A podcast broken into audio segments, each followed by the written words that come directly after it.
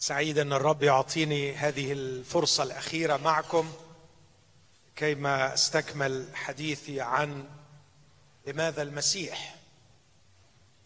توقع أن هذا السؤال يأتي نتيجة إعلان من جانبنا كمسيحيين. ندعو كل إنسان ليستمتع بما نستمتع نحن به. لدينا مفروض شعور عميق بالراحة. اختبرنا ما قاله المسيح تجدوا راحة لنفوسكم. لدينا شعور عميق بالمعنى. وجدنا معنى في هذه الحياة حتى أننا صرنا نحب الحياة رغم الألم والتعب والضيق الذي فيها. اختبرنا نوعا من التغيير الأخلاقي العميق في حياتنا. وإذا سئلنا ما سر هذه الراحة راحة النفس؟ ما سر هذا الحب للحياة؟ ما سر هذا المعنى الذي تجدونه في الحياة إجابتنا البسيطة والواضحة والسريعة هي المسيح. المسيح هو سر هذه النوعية الأخلاقية الراقية من الحياة. المسيح هو سر هذه الراحة العميقة في الداخل. المسيح هو سر هذا المعنى الذي وجدناه في الحياة. لكن يأتي يقينا السؤال لماذا المسيح؟ ألا يوجد نوع آخر من الديانة أو الفلسفة؟ نوع آخر من الفكر؟ يستطيع أن يحقق هذه الأشياء؟ وإجابتي كلا هو المسيح والمسيح فقط هو الذي يستطيع أن يجعلنا نتمتع بهذه الأشياء. لماذا؟ لماذا نصر على أهمية المسيح لكل إنسان؟ لماذا نقول لكل شخص مخلص باحث عن الخلاص؟ نقول كما قال بطرس الرسول وليس بأحد غيره الخلاص. له يشهد جميع الأنبياء أن كل من يؤمن به ينال باسمه غفران الخطايا. لماذا؟ لماذا هذا الإصرار من جانبنا على أهمية المسيح واحتياج كل إنسان للمسيح؟ قدمت ثلاث أجوبة في الليلتين السابقتين. كان جوابي الأول لماذا المسيح؟ لأنه هو طريق الله إلينا. إجابتي الثانية لأن المسيح هو طريقي أنا إلى الله. والإجابة الثالثة لأن المسيح هو طريقي إلى نفسي. الله يريد أن يعلن ذاته لي. الله يريدني أن أعرفه. والمسيح هو الطريق. والله يريدني أن آتي إليه. والمسيح هو الطريق. وأنا أحتاج أن أعرف نفسي وأجدها. والمسيح هو الطريق. حاولت أن أحاجج من أجل هذه الأمور الثلاثة من أجل هذا الطرح الثلاثي. لا أريد أن آخذ وقتا هذه الليلة في تلخيص ما ذكرته لكن بسرعة شديدة من أجل الذين لم يكونوا معنا. أقول إني فكرت بهذه الطريقة إنه إذا آمنت أن الله موجود حتما أنا أحتاج إليه. ولكي أشبع احتياجي له. ينبغي أن أدخل في علاقة معه. إلا أن نوعية العلاقة مع الله تحتاج معرفة ونوعية العلاقة تحدد نوعية المعرفة. لا أستطيع أن أدخل في علاقة مع شخص لا أعرفه. ونوعية العلاقة التي سأدخل فيها مع هذا الشخص هي التي تحدد نوع المعرفة التي ينبغي أن أعرفه بها. فعلاقتي بالصراف الآلي بال ATM machine تختلف عن علاقتي بزوجتي. علاقتي بموظف يعمل معي تختلف عن علاقتي بأبي أو بأمي أو بزوجتي. إذا كانت العلاقة مع الله هي الحب إذا بدأت من هذه النقطة فلا مفر من المعرفة الشخصية له. إذا أرادني الله أن أصدقه في أنه يحبني ويريدني أن أحبه لابد أن تكون المعرفة معرفة شخصية. لابد أن يتكشف لي. لا يكفي أن أعرف أقواله لا يكفي أن أعرف أفعاله. الجمل مهما كانت بلاغتها لا يمكن أن تكشف الشخص والأفعال مهما عظمت لا تكفي أن أعرف أعماق الشخص. لابد أن الله يتكشف ويعلن شخصه كي استطيع أن أدخل في علاقة حب معه. ده إذا كان عايز الحب إذا كان مصر على الحب. كان لابد أن يكشف شخصه ولا يمكن أن يكشف شخصه إلا في شخص. كان يحتاج إلى وسيلة إعلانية هي أكثر من مجرد أقوال الأنبياء. قول الرسول الله بعدما كلم الأباء بالأنبياء قديما بأنواع وطرق كثيرة كلمنا في هذه الأيام الأخيرة في ابنه. تكشف في لأنه يريد أن يدخل في علاقة حب معنا. تكشف في شخص وهذا الشخص ينبغي أن يكون كفوا أن يكشف الله. ولا يمكن أن يكشف الله؟ وكفوا أن يكشف الله إلا الله نفسه. ولأنه يريد أن يكشف نفسه لبشر فكان لابد أن هذا الشخص الذي هو كفء أن يكشف الله أن يكون أيضا بشرا. لكي نستطيع أن نفهمه أن نستقبل الإعلان الإلهي. هذا يشرح لنا إلى حد ما منطقية التجسد. الله لم يره أحد قط لكن الابن الوحيد الذي هو في حضن الآب هو. خبر خبر يعني عرى كشف رفع الحجاب.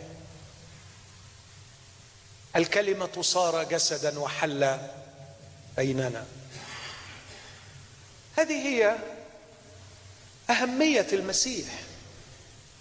إذا بدأنا بأن الله محبه وأنه يريدنا أن ندخل معه في علاقة حب لابد أن يتكشف.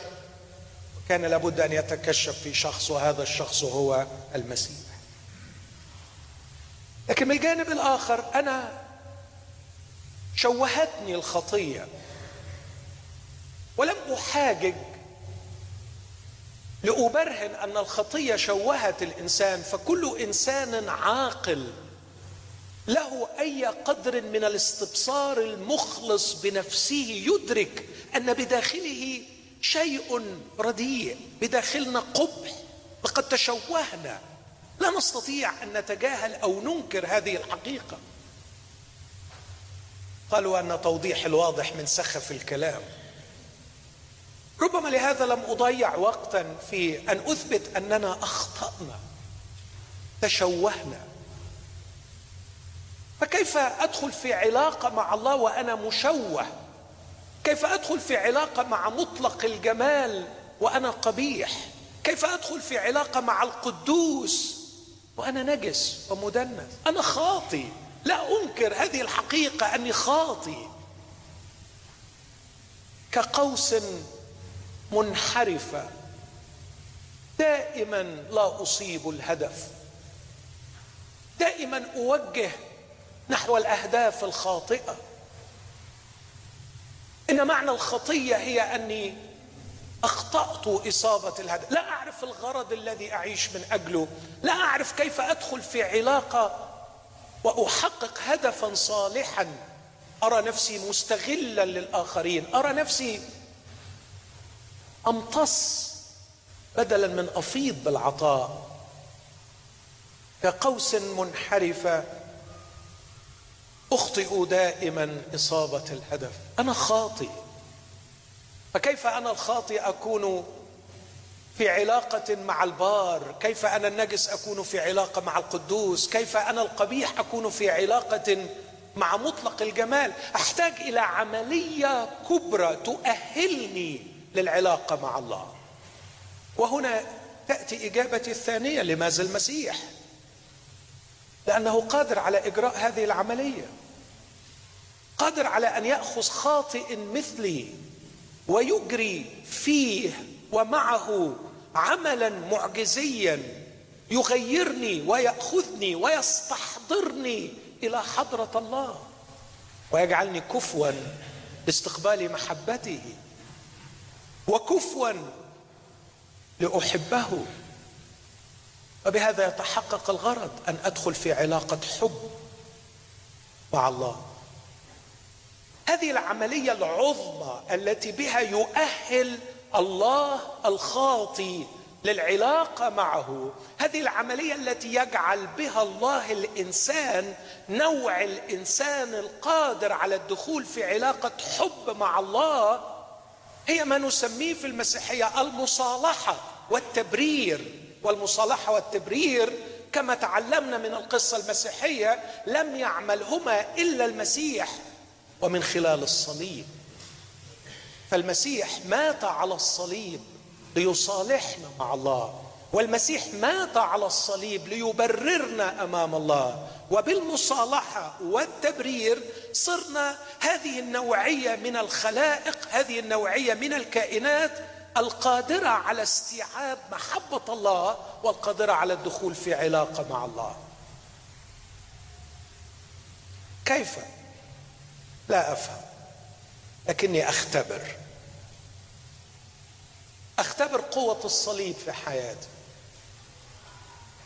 أعرف تلك الجماعة الصغيرة التي ارتبطت بالمسيح.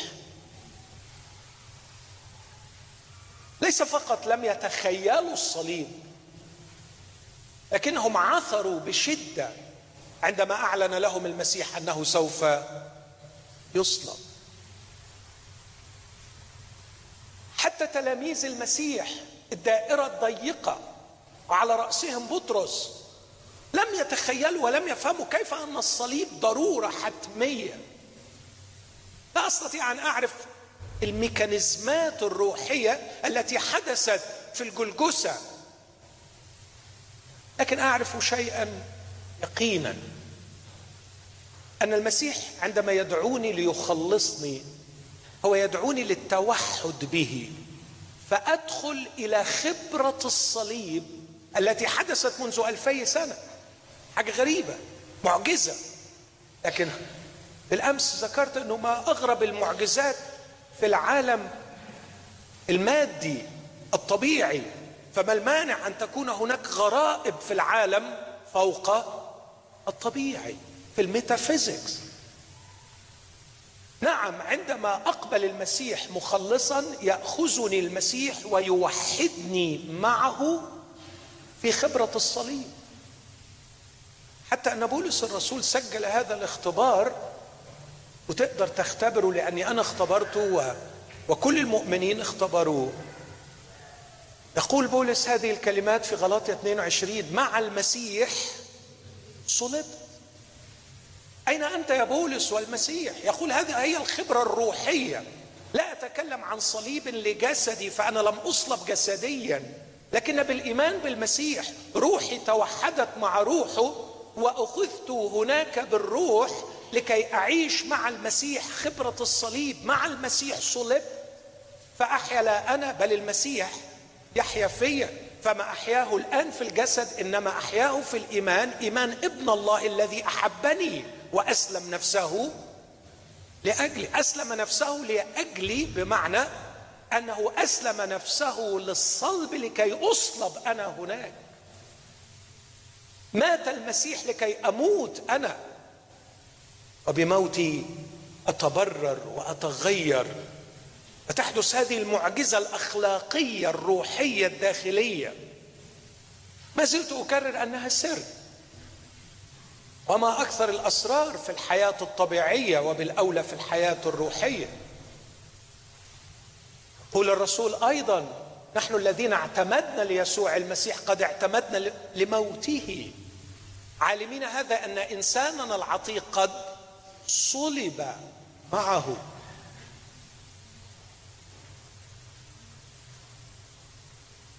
خبرة عجيبة. لم أجد لاهوتيا ولا أقول لم أجد مؤمنا لم أجد لاهوتيا عميقا. استطاع أن يصبر أغوار الصليب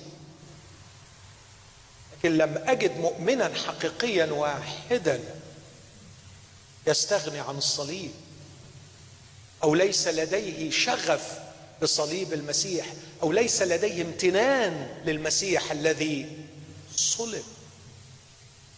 نعتز ونشعر كما قال بولس حاشا لي أن أفتخر إلا بصليب ربنا يسوع المسيح الكتاب يعلن ان أن الصليب حول اللعنة إلى بركة، الصليب أبطل الخطية، الصليب بالصليب كان المسيح يبيد بالموت ذاك الذي له سلطان الموت، بالصليب أشهر الرياسات والسلاطين جهارا ظافرا بهم في الصليب. بالصليب أبطلت الخطية ورفعت اللعنة. أخذ عني قبحي وأعطاني جماله. أخذ عني موتي وأعطاني حياته. أخذ عني عقوبتي وأعطاني بره. في الصليب حدثت معجزة للروح الإنسانية وما زالت تحدث بها. يتهيأ الإنسان يتهيأ الإنسان لعلاقه الحب مع الله إخوتي الأحباء كان المسيح حتمية لكي يعلن الله المحب لنا لكن ما قيمة أن يعلن الله المحب لي؟ ولا أستطيع أن أحبه.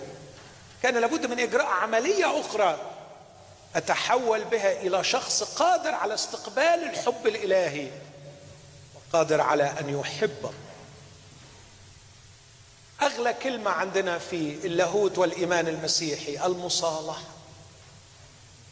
فيه سر أن يحل كل الملك كلوسي واحد 19 وأن يصالح به الكل لنفسه عاملا الصلح بدم صليبه بواسطته. اسمع بقية العبارة من فضلك.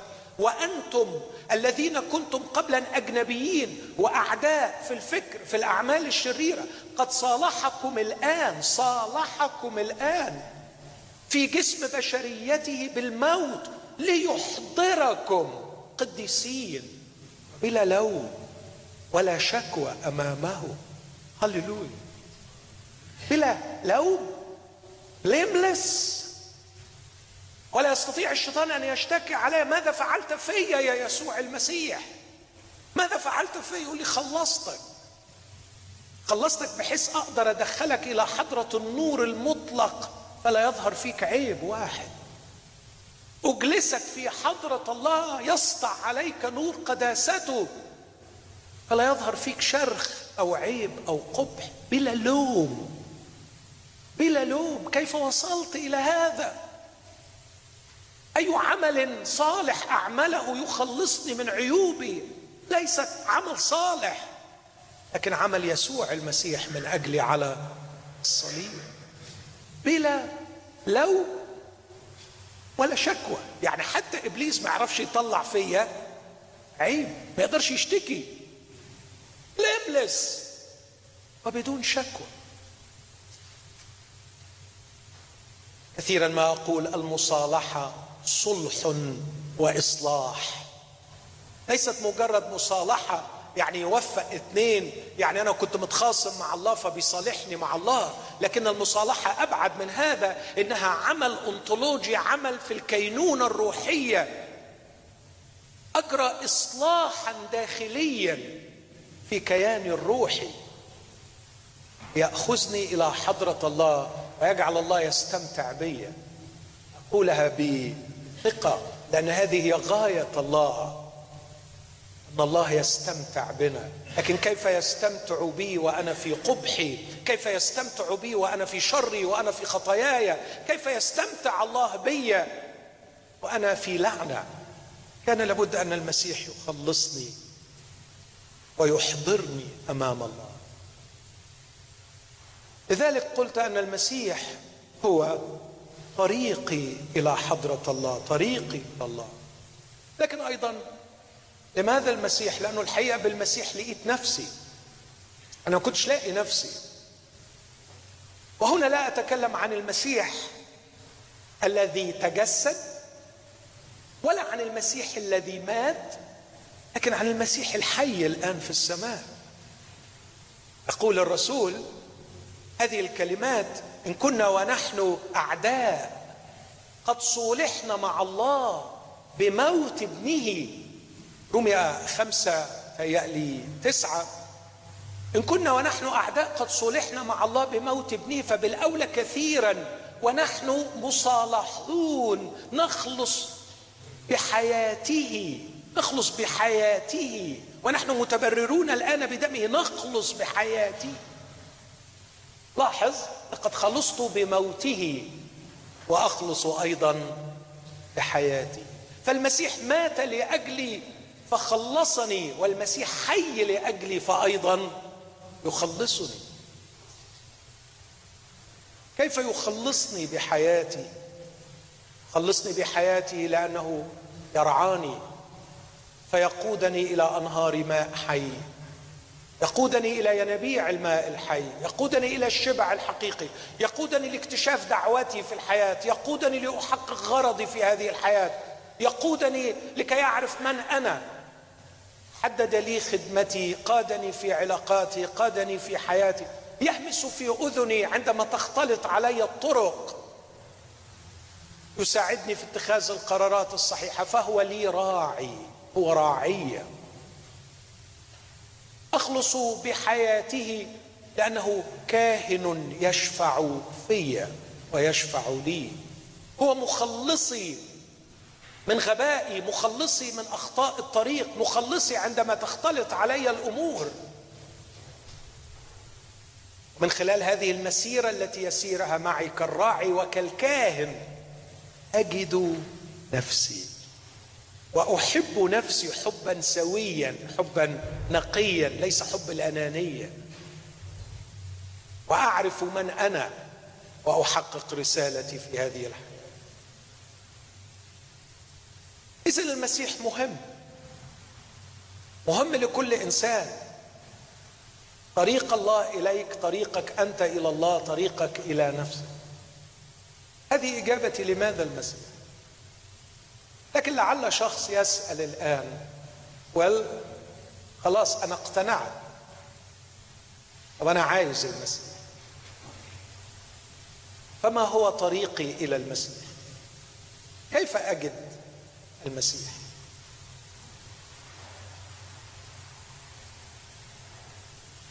أكيد هنا هيجي سؤال. ممكن واحد يقول لي أنت متأكد إنك نطقت السؤال صح؟ كيف أجد المسيح؟ أنا اللي فاهمه إن المسيح هو اللي بيجدني أقول صح. المسيح هو اللي بيجدني بس الحقيقة أنا علي مسؤولية. عندما تكلم المسيح عني في ضياعي. لم يشبهني فقط بدرهم ميت مفقود ولم يشبهني فقط بخروف غبي قد ضل لكن شبهني بابن عاقل مسؤول عليه أن يتخذ قرار بكامل اختياره وحريته أن يرجع إلى. فاكرين المثل ده؟ مش بقول ثلاث أمثال لأنه الحقيقة المسيح كلمهم بهذا المثل فهو مثل واحد من ثلاثة أوجه. الثلاث أوجه بيصوروا حالتي كإنسان في خطاياي. نعم أنا من وجهة معينة ميت كالدرهم أنا من وجهة معينة أحمق كالخروف الذي ضل. لكن في وجهة ثالثة أنا إنسان عاقل مسؤول علي أن أتخذ قرار وأقول أقوم وأذهب إلى أبي. وفي الدرهم نرى عمل الروح القدس في جهاده مع النفس لكي يأتي بها إلى اجتماع كهذا. يفتش عليها باجتهاد. وفي الخروف أرى الراعي الصالح الذي يبحث عن خروفه الذي ضل. المسيح الذي وصل حتى إلى الصليب لكي يسترجعني. لكن في الجزء الثالث وهو الأهم في هذا المثل الابن عليه أن يتخذ القرار. عن هذا الجانب الثالث أتحدث عندما أقول كيف تجد المسيح؟ ما هي مسؤوليتك لكي تصل إلى المسيح؟ ما هي مسؤوليتي لكي أصل إلى المسيح؟ أضع أمامكم أحبائي ثلاثة أفكار في هذا المساء. منطلقا من إنجيل يوحنا ولا سيما من هؤلاء الأشخاص الأوائل الذين وجدوا المسيح. بالمناسبة العبارة دي كتابية. قال له قد وجدنا مسيح إحنا اللي لقيناه. لازم تدور. لازم تدور. النهارده كنت بتحدث مع شخص شعرت بشيء من الإحباط. هو بيقول لي I don't need. I don't need.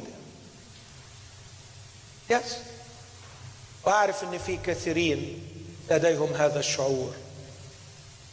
They don't need Jesus. أنا شخصيا بحزن لما بلاقي الحالة دي لكن أتكلم بصدق. أنا هيلبلس أمام هذه الحالة. لا أعرف ماذا أفعل. أشعر بالخطر على هؤلاء الأشخاص. أحبهم أخاف عليهم. لكني فعلا لا أعرف ماذا أفعل لهؤلاء الأشخاص. لكني أتكلم لعل شخص يسمعني. ليس من هذه النوعية لكن من النوعية التي تقول كيف أجد المسيح؟ هناك عدة شخصيات الصفحات الأولى لإنجيل يوحنا. كان أولهم أندراوس ويوحنا ثم فيلبس ونثنائيل ثم في أصحاح ثلاثة نيقوديموس ثم في أصحاح أربعة السامرية. إذا درست وحللت هذه الشخصيات أستطيع أن أستنتج بعض المواقف أو بعض الأفكار التي تساعد المخلص الذي يريد أن يجد يسوع. ألخص هذه الأفكار في ثلاث أفكار. الفكرة الأولى أقول ليكن لك موقف صحيح سليم تجاه العطش الروحي. تجاه العطش الروحي. وهشرح يعني. إيه والأمر الثاني ليكن لك موقف صحيح سليم تجاه الحق. والأمر الثالث ليكن لك موقف سليم توجه صحيح تجاه المعاملات الإلهية. إذا ثلاث كلمات يمكن مهمين تطلع بيهم الليلة. العطش الروحي الحق وايه الثالثة. معاملات الإلهية. اقولهم ت... أنا بشكر أخونا الحقيقة أخونا العزيز الرب يباركه اللي بيلخص الأفكار. أنا ما أعرفش إزاي بالسرعة دي بيلحق. حط الحاجات دي. الرب يباركك. ممكن نحيي أخونا الحبيب ده حقيقي.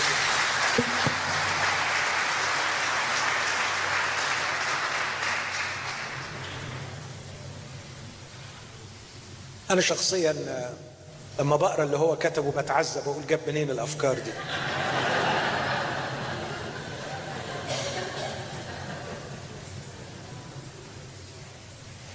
العطش الروحي والحق والمعاملات الإلهية. إيه اللي أقصده بالعطش الروحي؟ خليني أحكي لك حكاية تشرح اللي بقوله وبعدين نحاول نطبقها على واقعنا. عندما ظهر المسيح في شوارع الجليل كان يتجول كان بيمشي. لكن المعمدان رآه. فعندما رأى المعمدان يسوع يوحنا واحد خمسة وثلاثين يقولوا في الغد أيضا كان يوحنا واقفا هو واثنان من تلاميذه. فنظر إلى يسوع ماشيا. قال هو ذا حمل الله. هو ذا حمل الله. فسمعه التلميذان يتكلم. فتبعا يسوع. فالتفت يسوع ونظرهما يتبعان. فقال لهما ماذا تطلبان؟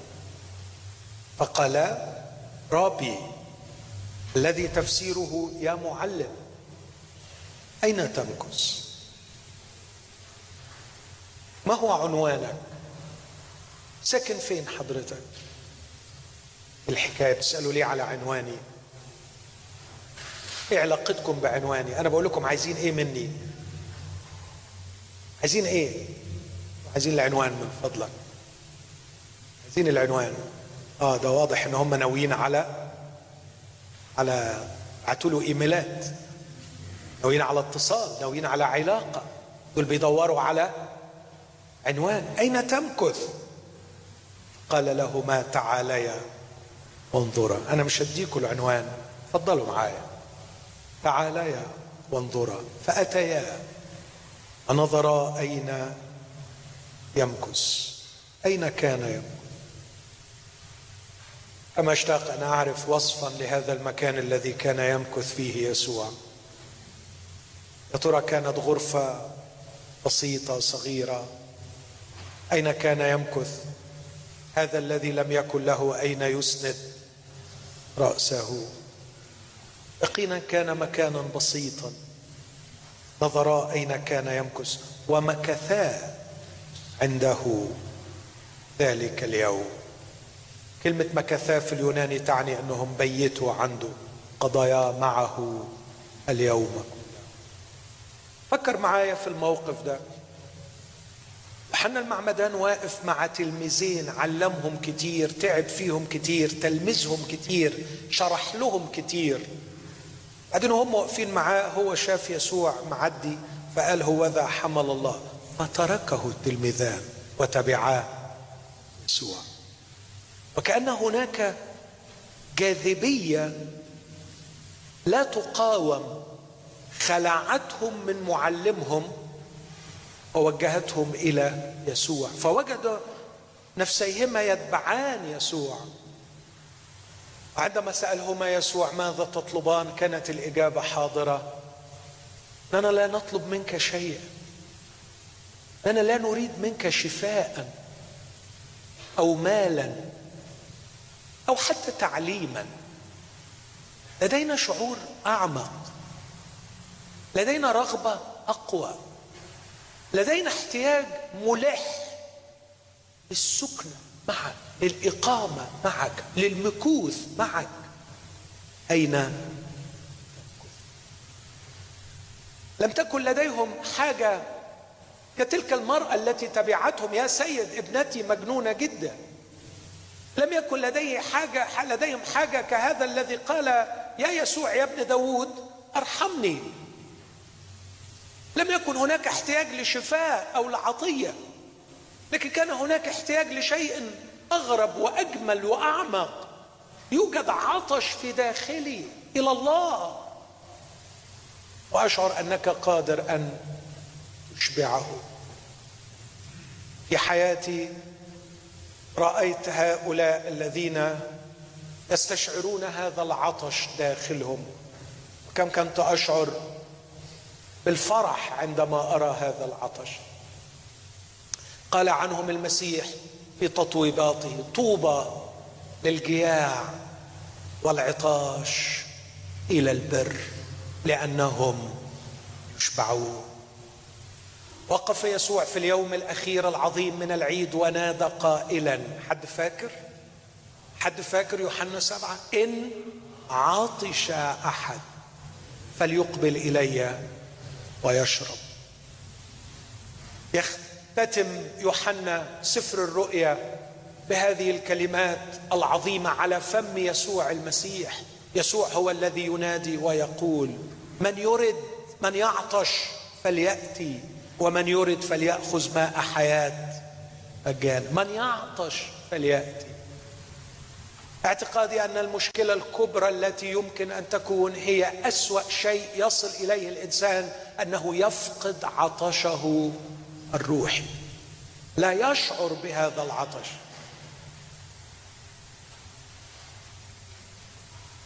ما هي الأسباب التي يمكن أن تجعل الإنسان يفقد عطشه الروحي؟ اعتقادي في أشياء أكيد كثير لكن أشير إلى شيئين. الشيء الأول إرواء العطش الروحي بالدين. يقتل العطش الروحي ولا يقود الإنسان إلى الله. ارواء العطش الروحي بالدين يقتل العطش الروحي ولا يقود الإنسان إلى الله. وللأسف الشديد كلما يستشعر الإنسان العطش الروحي ويحاول أن يغرق في الممارسات الدينية التي تعطيه راحة للضمير وتعطيه شعور بالفخر وبالأفضلية يقتل العطش يموت العطش الروحي.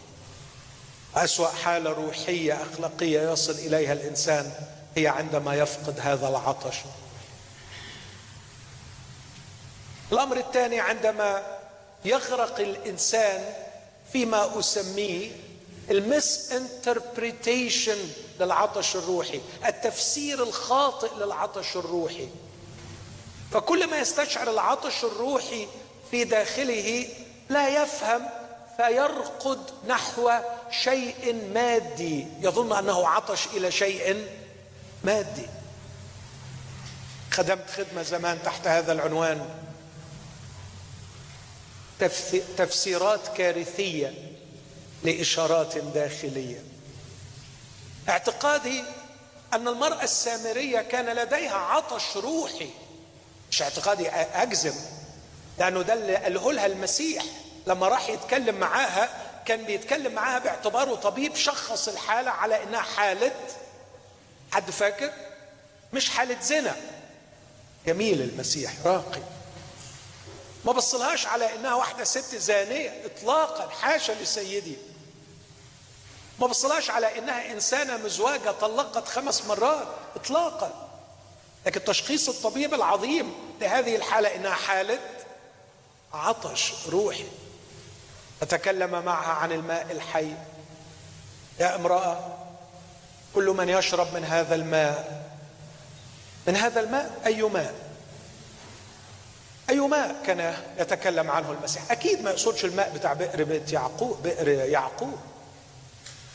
لكن كان يتكلم عن الماء الذي تصورت أنه قادر أن يروي عطشها الروحي أن تلقي بنفسها في حضن رجل. كلما استشعرت الحنين إلى الله كانت بخيابة تسيء التفسير فتجري لتلقي بنفسها في حضن رجل وراء رجل وهي مش واخدة بالها إنها تبحث عن حضن لكن ليس حضن رجل عن حضن. الآب جاء المسيح ليصحح لها التفسير. ده على قد ما أنا فاهم من الحالات اللي شفتها. كيف يذبل ويزوي ويختفي العطش الروحي إما بالغرق في الممارسات الدينية أو الغرق في الملذات الدنيوية. دول الأمرين. أعتقد أن سليمان فقد عطشه الروحي ووصل إلى حالة سيئة للغاية حتى أنه عبد الأوثان. اقرأ سفر الجامعة. بنيت لنفسي غرست لنفسي. مع إنه كان بيقول إنه كل الأنهار تجري إلى البحر والبحر ليس بملآن. العين لا تشبع من النظر والأذن لا تمتلئ من السمع. أخذت وعملت لكني مش شبعان. لأنك حاولت أن تروي العطش الروحي بالملذات الدنيوية غير بيت ورا بيت وسيارة ورا سيارة وامرأة ورا امرأة. ومن حضن إلى حضن. للأسف الشديد لا يحسب الإنسان تكلفة هذه المغامرات الحمقاء وتكون النتيجة أنه يخسر أجمل ما فيه يخسر أسمى ما في إنسانيته يخسر عطشه الروحي. لكن أود أن أوضح أمرين في العطش الروحي. العطش الروحي لا ينفصل ابدا عن إعمال العقل. والعطش الروحي لا يجعلني ابدا أتجاهل الواقع. أوضح كلامي. من بقية أصحاح واحد في إنجيل يوحنا التلاميذ دول ارتبطوا بالمسيح. كان عدد أربعين. كان أندراوس أخو سمعان بطرس واحدا من الاثنين اللذين سمعا يوحنا وتبعاه. هذا وجد أولا أخاه سمعان فقال له قد وجدنا مسيا لإناء فجاء به إلى يسوع فنظر إليه يسوع وقال أنت سمعان بن يونا أنت تدعى صفا الذي تفسيره بطرس. أعتقد أنه هنا إشارة اللي كنت بحكي عنه امبارح أنه لقي نفسه. بطرس ما كانش يعرف أنه هو بطرس لكن بطرس بقي بطرس على أيدين مين؟ على أيدين المسيح. في الغد أراد يسوع أن يخرج إلى الجليل فوجد فيلبس فقال له اتبعني. وكان فيلبس من بيت صيدا من مدينة أندراوس وبطرس. فيلبس وجد نثنائيل وقال له ده اللي أقصده. أن العطش الروحي لا يعني الدروشه العطش الروحي لا يلغي العقل. بصوا في المثال البديع بتاع نثنائيل ده شخصية مفضلة من أحلى الشخصيات التي أحبها في الكتاب المقدس. فيلبس وجد نثنائيل وقال له وجدنا الذي كتب عنه موسى في الناموس والأنبياء. يسوع ابن يوسف الذي من الناصر. هنا في شوية إعمال العقل. وجدنا الذي كتب عنه موسى. عندما رأوا يسوع وشعروا بالانجذاب إليه لم يكتفوا بهذا لكن راحوا دوروا في الكتب. لكي يتأكدوا أن ما كتبه موسى والأنبياء ينطبق على يسوع. فاهمين قصدي؟ طب فاكرين حاجة تشبه كده أهل بيرية عندما سمعوا الرسول بولس؟ يقول فكانوا يفحصون الكتب بنشاط كل يوم هل هذه الأمور هكذا؟ مش فكرة إنه خدنا خبرة كده واختبار جميل قابلنا يسوع قعدنا معاه اتبسطنا. على فكرة ده شخص جميل قوي ده شخص حلو قوي ده شخص لذيذ ده شخص ممتع. بس تقعد مع يسوع تتبسط تشوف حاجات جميلة. لا مش كده. خدوا بعضهم وراحوا يدوروا. وجدنا الذي كتب عنه موسى في الناموس والأنبياء. لكن بص العقل ده الذي لا يتجاهل الواقع والذي يفكر ويعمل المنطق بان أكتر في نثنائيل.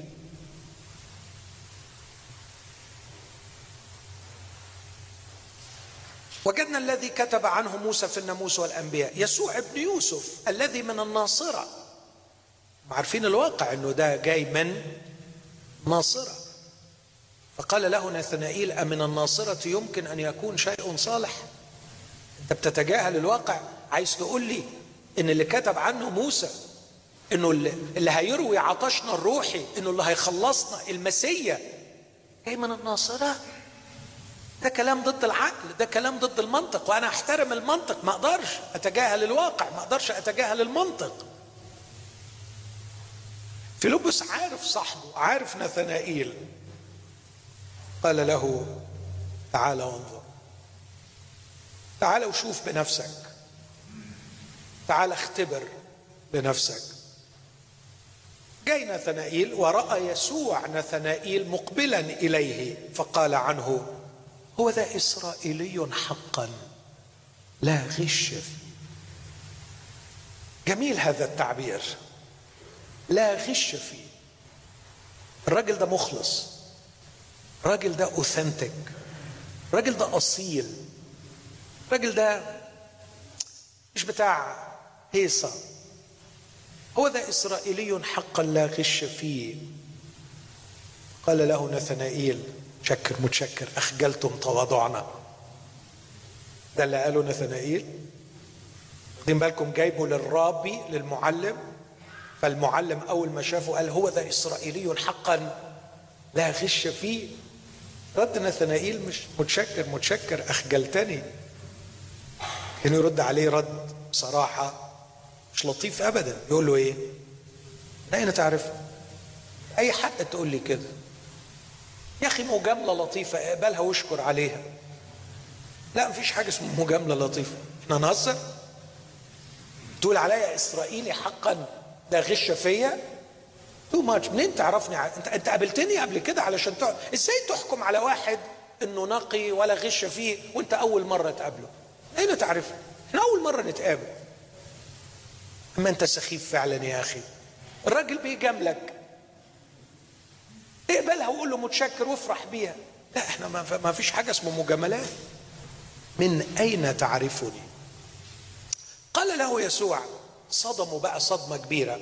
قال له قبل أن دعاك في لبس وأنت تحت التينة رأيتك. أوه. يبدو إن حكاية تحت التينة دي لها قصة مع نثنائيل الكتاب ما سجلهاش. لأنه لا يريد أن يشبع الكريوزيتي بتاعتنا.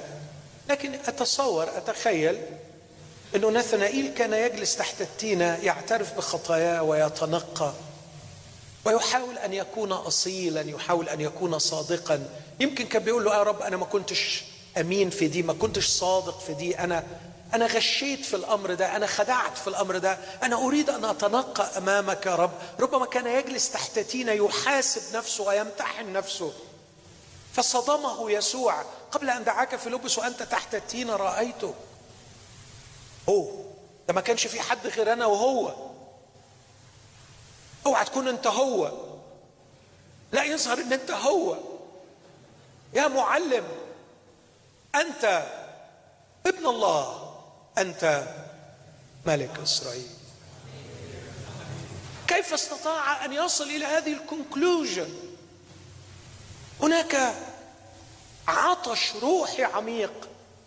هناك إخلاص وأصالة لكن هناك أيضا إعمال للعقل.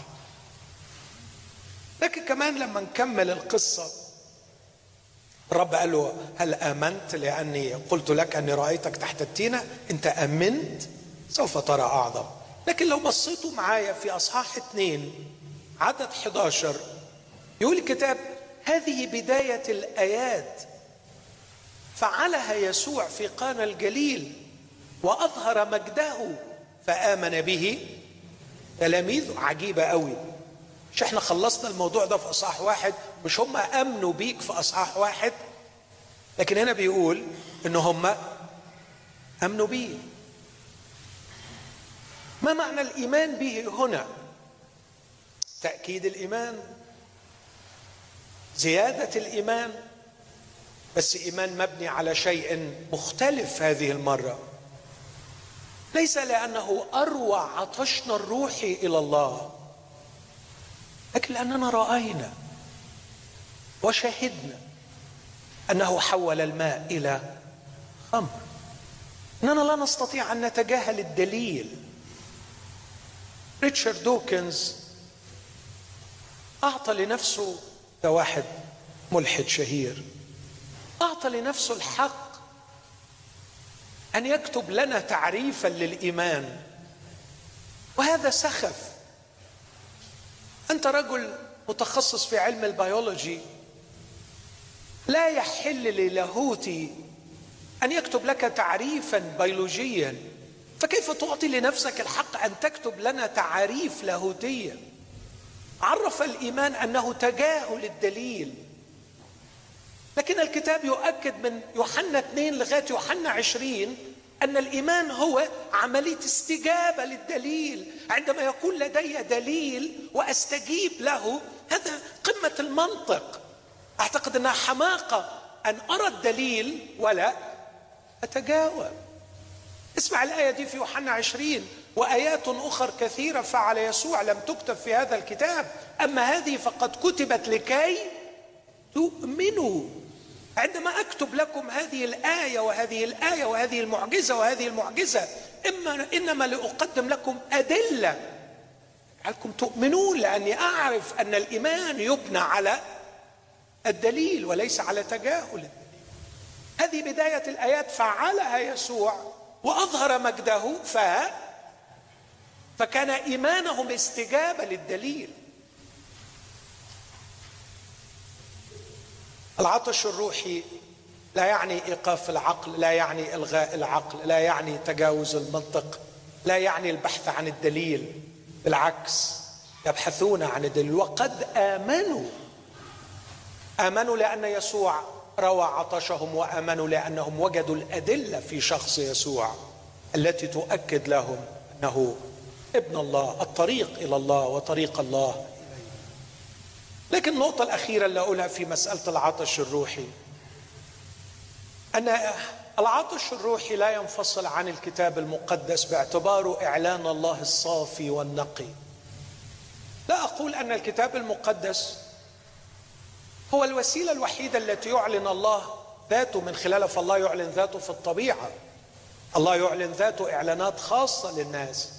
لكن بلا شك أن الكتاب المقدس هو إعلان الله المكتوب المعصوم الذي لا يمكن الاستغناء عنه إذا أردنا أن نصل إلى يسوع. عارفين واخدين؟ متذكرين العنوان اللي أنا بتكلم تحته؟ طريقي إلى يسوع. أحتاج إلى الكتاب المقدس. بصوا معايا في أصحاح اثنين. نفس الأصحاح إنجيل يوحنا عدد 22 يقول الكتاب فلما قام من الأموات تذكر تلاميذه أنه قال هذا فآمنوا بالكتاب والكلام الذي قاله يسوع. آمنوا بالكتاب. الكتاب تكلم عن يسوع. كيف تجد طريقك ليسوع؟ احترم عطشك الروحي.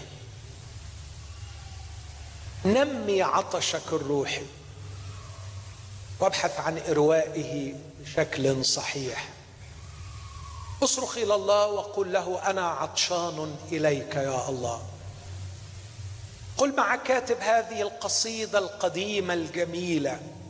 يا الله إلهي أنت عطشت إليك نفسي. مهما كانت ديانتك مهما كانت خلفيتك. إذا أمنت بالله وجه إليه هذه الصلاة. يا الله إلهي أنت عطشت نفسي إني عطشان إليك يا الله. فاروي عطشي. لكن لا تفصل عطشك عن إعمال العقل فيما يقدم لك على أنه من الله. ولا تفصل عطشك عن الكتاب المقدس. اقرأ الكتاب المقدس.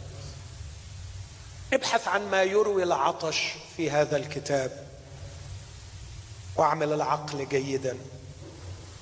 واحذر من الممارسات الدينية والغرق في الملذات الدنيوية فهي التي تقتل العطش الروحي إلى الله. النقطة الثانية ليكن لك موقف سليم وصحيح تجاه الحق. يسوع المسيح قال عن نفسه في يوحنا 14 أنا هو الطريق والحق والحياة. إذا كان المسيح هو الحق مستحيل تلاقيه إذا ما كانش عندك موقف سليم تجاه الحق. لازم يكون عندك موقف محسوم دي نقطة في غاية الأهمية أرجو أن ننتبه إليه. انسى يسوع دلوقتي. في حاجة اسمها الحق. ما هو موقفك تجاه الحق؟ لازم يكون عندك موقف من ناحية الحق. يعني إيه؟ يعني مثلا تحب قوي إنك تقول الحق. تحب قوي إنك تعرف الحق. تتغاظ قوي من الكذب. ترفض إنك تكذب وترفض إنه يتكذب عليك. لازم تكون شخص من النوع ده علشان تلاقي يسوع. خليني أقولها لك من الآخر. لو أنت بتحب تكذب بتحب الكذب ما عندكش مانع يتكذب عليك انسى إنك هتلاقي يسوع. لأنه يسوع هو الحق وانت مطلع الحق من حساباتك. طب إزاي هتلاقي يسوع؟ لازم تخلص القضية دي الليلة. ما هو موقفك من الحق؟ بيلاطس سأل يسوع أأنت ملك؟ قال له أنت تقول إني ملك. بس أنا نوع الملك بتاعي مختلف شوية. أنا لا أملك بالقوة. أملك بالحق. أنا ملك في دائرة الحق وليس في دائرة السلطان والسياسة على البشر. أنت تقول إني ملك لهذا ولدت أنا لأشهد للحق. بس اسمع يا بيلاطس كل من هو من الحق يسمع صوتي. في ناس اسمهم من الحق هيسمعوا صوت يسوع. الخرافي تسمع.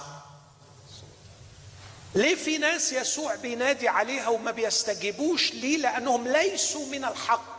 يعني إيه ليسوا من الحق؟ يعني عندهم موقف خاطئ من الحق. يحبوا الكذب. يحبوا يكذبوا. ما عندهمش مانع يتكذب عليهم. قال له بيلاطس وما هو الحق؟ أشكرك أخونا الحبيب بيلحقني بسرعة. بص الكلمة اللي بعديها. ولما قال هذا عمل إيه؟ خرج. اصبر يا ابني أنت مش لسه سائل سؤال؟ أنت بتقول ما هو؟ الحق اقف اقف هقول لك.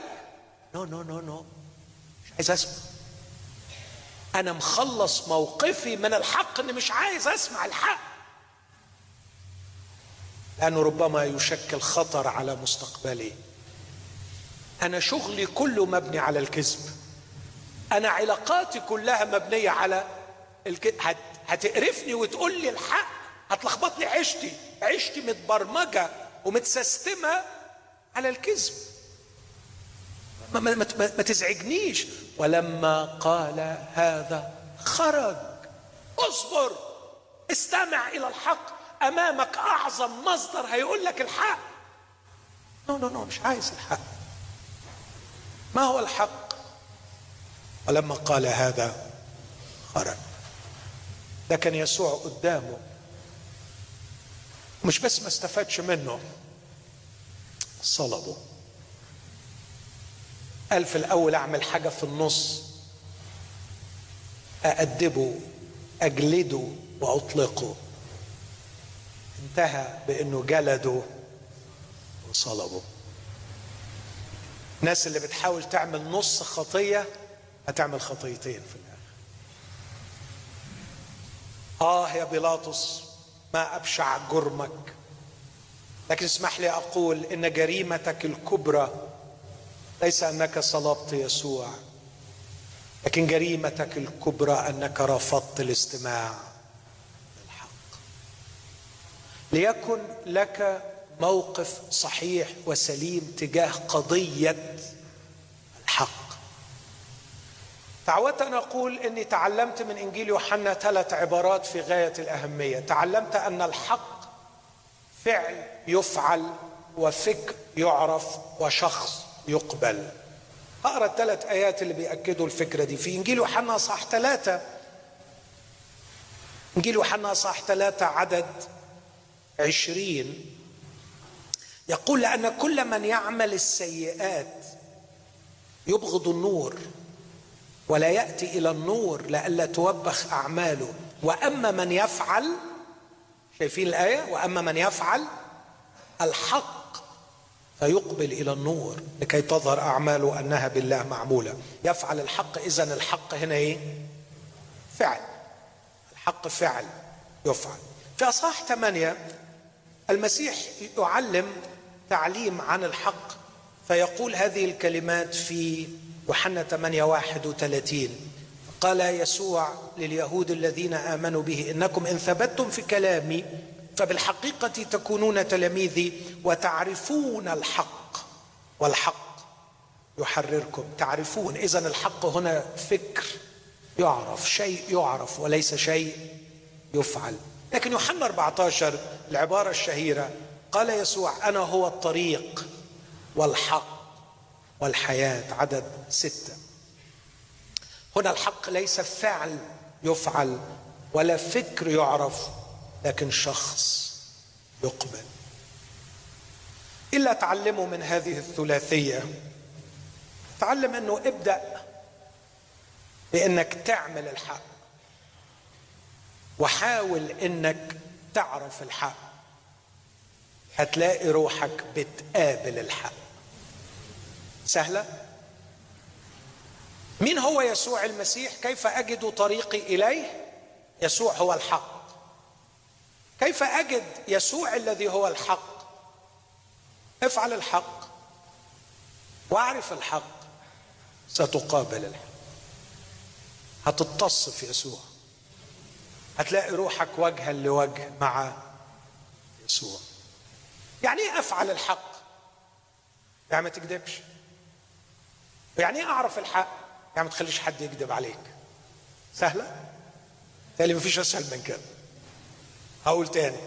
يعني إيه أفعل الحق؟ يعني ما تكذبش. يعني إيه أعرف الحق؟ يعني ما تسمحش لحد انه هو يكذب عليك. مش حد يكذب عليك.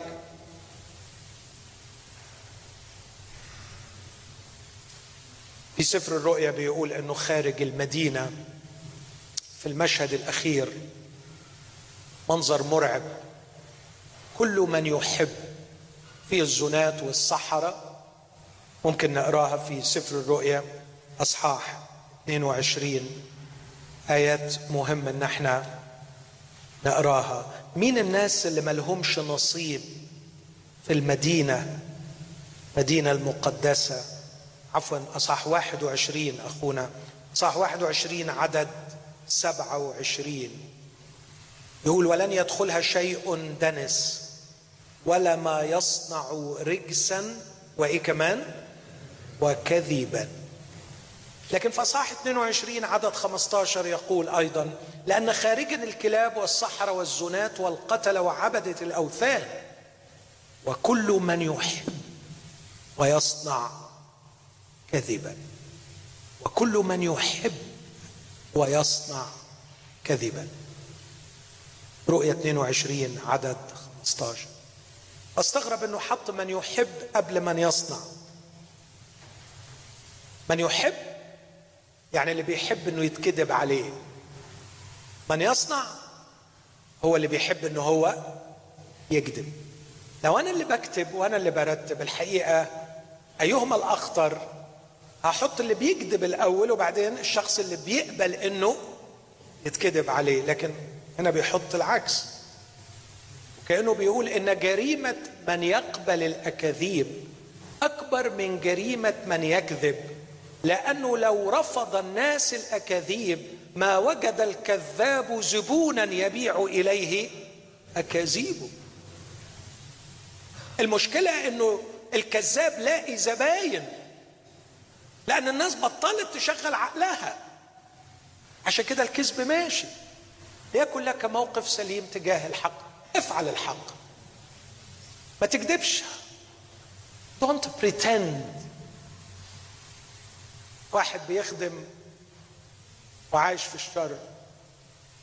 وعندما واجهه شخص بشره وقال له إزاي كنت بتعمل كده؟ كانت إجابته سخيفة. قال له ببساطة أنا أشطر واحد بيقدر ي pretend في الدنيا. أقدر ا pretend أقدر أدي انطباع عن نفسي. غير متفق مع حقيقتي. وقف لو عندك الخطية دي. Don't try to impress. عيش حقيقي. خليك أصيل صادق. راجع الكلام قبل ما تقوله. كن أمينا في العبارات. لا تضيف كلمة. لا تبالغ. لا تزين الكلام حتى يصل بمعنى أكثر أو أقل من الحقيقة لمن يسمع. اجعل قضية الصدق قضية أساسية في حياتك. ابدأ من الليلة إنك تحرص حرص شديد على إن كل كلمة تكون طالعة حقيقية فعلا. ولما تفلت منك كلمة راجع نفسك في بيتك. ما تخجلش إنك تتصل باللي قلتها له وتصحح وتقول له أنا بلغت أنا ما كنتش دقيق في الكلمة دي. حب الحق. افعل الحق. لكن كمان بصراحة بلاش البساطة التي تصل إلى حد العباطة اللي تخلينا نصدق كل حاجة. العالم مليان بالأكاذيب. لو هتصدق كل حاجة هتلاقي روحك ضحية. لملايين الأكاذيب إبليس كذاب ويكذب باستمرار. أخيرا أقول ليكن لك موقف صحيح. لا قبل ما أقول دي عايز أقول بس تعليق صغير. لو حبيت الحق عشان أكون أمين معاك في خطر عليك. في خطر عليك. عشان بس أكون واضح. لأنه قد يأخذك الحق إلى أماكن خطرة. قد يأخذك الحق إلى أماكن خطرة. فالسؤال هل حسبت حساب النفقة يوم قررت أن تقول الحق وتفعل الحق؟ دي محتاجة تتحسب. الجزء ده مليان بحاجات كتير لكن قصة نيقيديموس قصة رهيبة في الموضوع ده. نيقوديموس مخلص مش كده؟ مش تحسه بإخلاصه؟ هو رئيس هو عضو في المجلس اللي حاكم يسوع وقتله. بس هو من البداية جاء إلى يسوع ليلا وقال له عندي إحساس إنك إن أنت صح. عندي إحساس إنك من الله. أنا المجموعة بتاعتي كلها رفضاك. بس أنا عندي إحساس إنك أنت صحيح. يا معلم نعلم أنك أتيت من الله معلما لأنه لا يستطيع أحد أن يعمل الآيات التي أنت تعمل إن لم يكن الله معه. يسوع راح فجأة القول ينبغي أن تولدوا من فوق. ودار الحديث ونيقوديموس ما فهمش ما نعرفش راح فين واختفى ولم يعد يلتقي بيسوع. بس الكتاب راح مسجل لنا لقطة تاني إنه كان في اجتماع محاكمة ليسوع في يوحنا سبعة فنيقدموس راح اعترض على قرارهم بإنه يسوع ده خاطئ ويستحق الموت. قال لهم يا جماعة لعل ناموسنا يدين إنسانا لم يسمع منه؟ آه هنا في حق حتة حق برافو عليك برافو عليك. بصراحة أنت راجل محترم. أيوه كده الراجل اللي يقول الحق بصراحة راجل راجل جدع. ما تزودها شوية يا نيقوديموس تقول لهم أنا تبعه. لا لا لا ما أقدرش مش للدرجة دي. يعني مش لدرجة إن أنا أودي روحي في داهية وأقول إن أنا تبعه. أنا هقول الحق في القانون إنه القانون الصح إنه لا ندين إنسانا لم نسمع منه. بس بعد فترة ابتدى نيقوديموس يراجع نفسه. وحكم المجلس على يسوع بالصلب. بيتهيألي كان أسود يوم في حياة نيقوديموس. لكن في الآخر كان مستعدا أن يمضي مع الحق إلى حيث يأخذه الحق. فذهب إلى بيلاطس وقال أنا تلميذ هذا أعطني جسد يسوع. وجاء حاملا مئة منن من أطياب. كتبت عنه قديما قصيدة كيف أيها الشيخ حملت هذا الحمل الثقيل. إن مريم سكبت الطيب منن الناردين من؟ نقدموس جه حامل مئة من. كان على استعداد أن يخرج إلى العلن ويعلن انتماءه ليسوع عارفا جيدا أنه قد يدفع حياته ثمنا لهذا الموقف. كتاب ما يقولناش بعد كده راح فين؟ ممكن يكون موته ما أعرفش. لكن اللي يهمني أنه كان على استعداد أن يمضي مع الحق إلى حيث يأخذه الحق.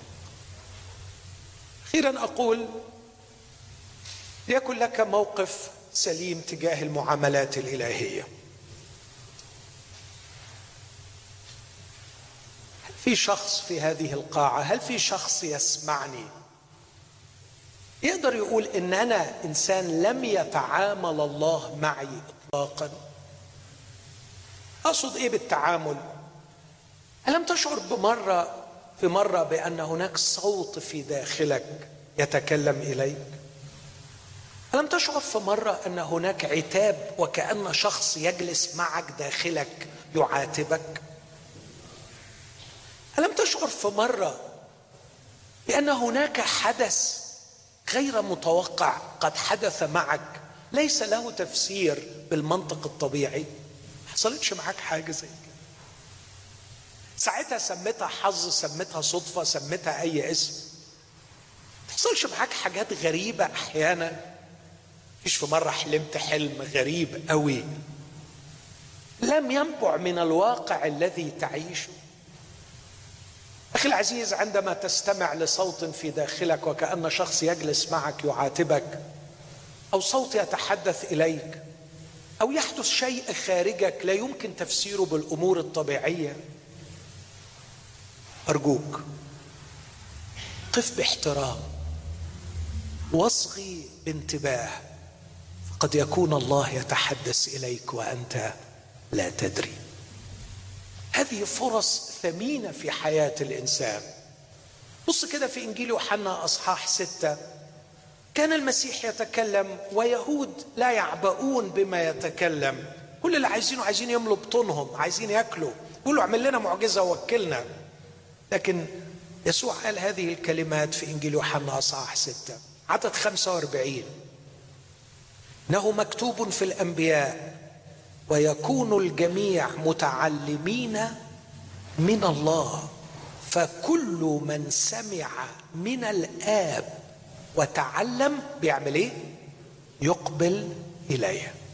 إحنا سؤالنا كيف أجي طريقي إلى يسوع؟ إنك تسمع للآب وتتعلم من الآب.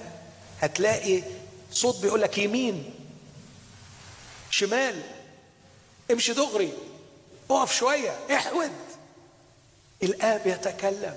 ولو اتبعت تعليمات الآب الذي يتكلم هتلاقي روحك وش في وش مع مين؟ مع يسوع. احترم المعاملات الإلهية. قد احترمت المعاملات الإلهية تلك المرأة السامرية فقادتها قدماها في ساعة غير متوقعة إلى أسمى لقاء غير حياتها إذ التقت بالمسيح على بئر سوخار ولعل الليلة يكون الآب قد قادك إلى هذا المكان لكي تلتقي بيسوع. أنا خلصت كلامي.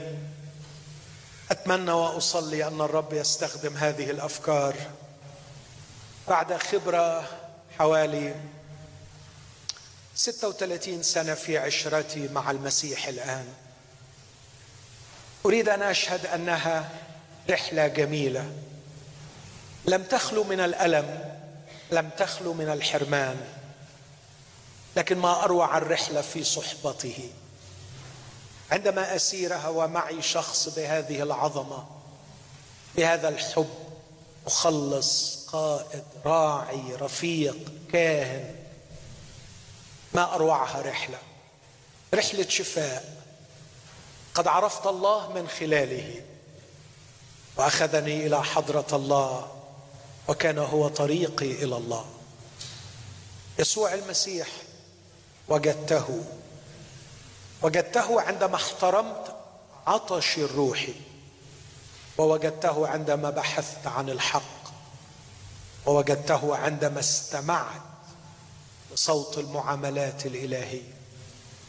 وبكل قلبي أشتاق فعلا إن كل من يسمعني يختبر ما اختبرته ويعيش ما أعيشه مع المسيح. أقول ما قاله الرسول بقيت راحة لشعب الله توجد راحة. ويقول نحن المؤمنين مؤمنين بيسوع ندخل الراحة. نحن المؤمنين ندخل الراحة. نحن المؤمنين مفعول به مبني على الاختصاص. كان المفروض يقول نحن المؤمنون. لكن نحن المؤمنين إنه اختصاص للمؤمنين فقط بدخول الراحة. الإيمان بالمسيح يدخل بك إلى الراحة. هذه دعوتي لكل شخص. واشكر الله لأجل قناة الكرمه التي تعطيني هذه الفرصة أن أوصل صوتي إلى كل من يشاهد ومن يسمع. أدعوك لهذه الراحة. خلونا نقف مع بعض مع أخونا سامح. وأنا أجدد الدعوة لكل من يشاهد ومن يسمع. أدعوك بالنيابة عن يسوع المسيح الذي وقف وقال تعالوا إلي يا جميع المتعبين. لو ممكن أخونا الحبيب يجيب لنا الآية دي على الشاشة. إنجيل متى صح 11 تعالوا إلي يا جميع المتعبين والثقيل الأحمال وأنا أريحكم. تعالوا إلي. تعلموا مني. احملوا نيري عليكم. إن نيري هين وحملي خفيف. اني وديع ومتواضع القلب. فتجدوا راحة. لنفوسكم. إذا وجدت يسوع الليلة ستجد لنفسك الدقايق اللي جاية مهمة جدا. حيثما توجد في غرفتك في مكانك لا أعرف إن كنت تشاهد والوقت نهار أو ليل أو لو موجود في هذه القاعة مسيح يدعوك. كي تنال هذه الراحة. اقبل دعوته. تعال اليه وسلم لي.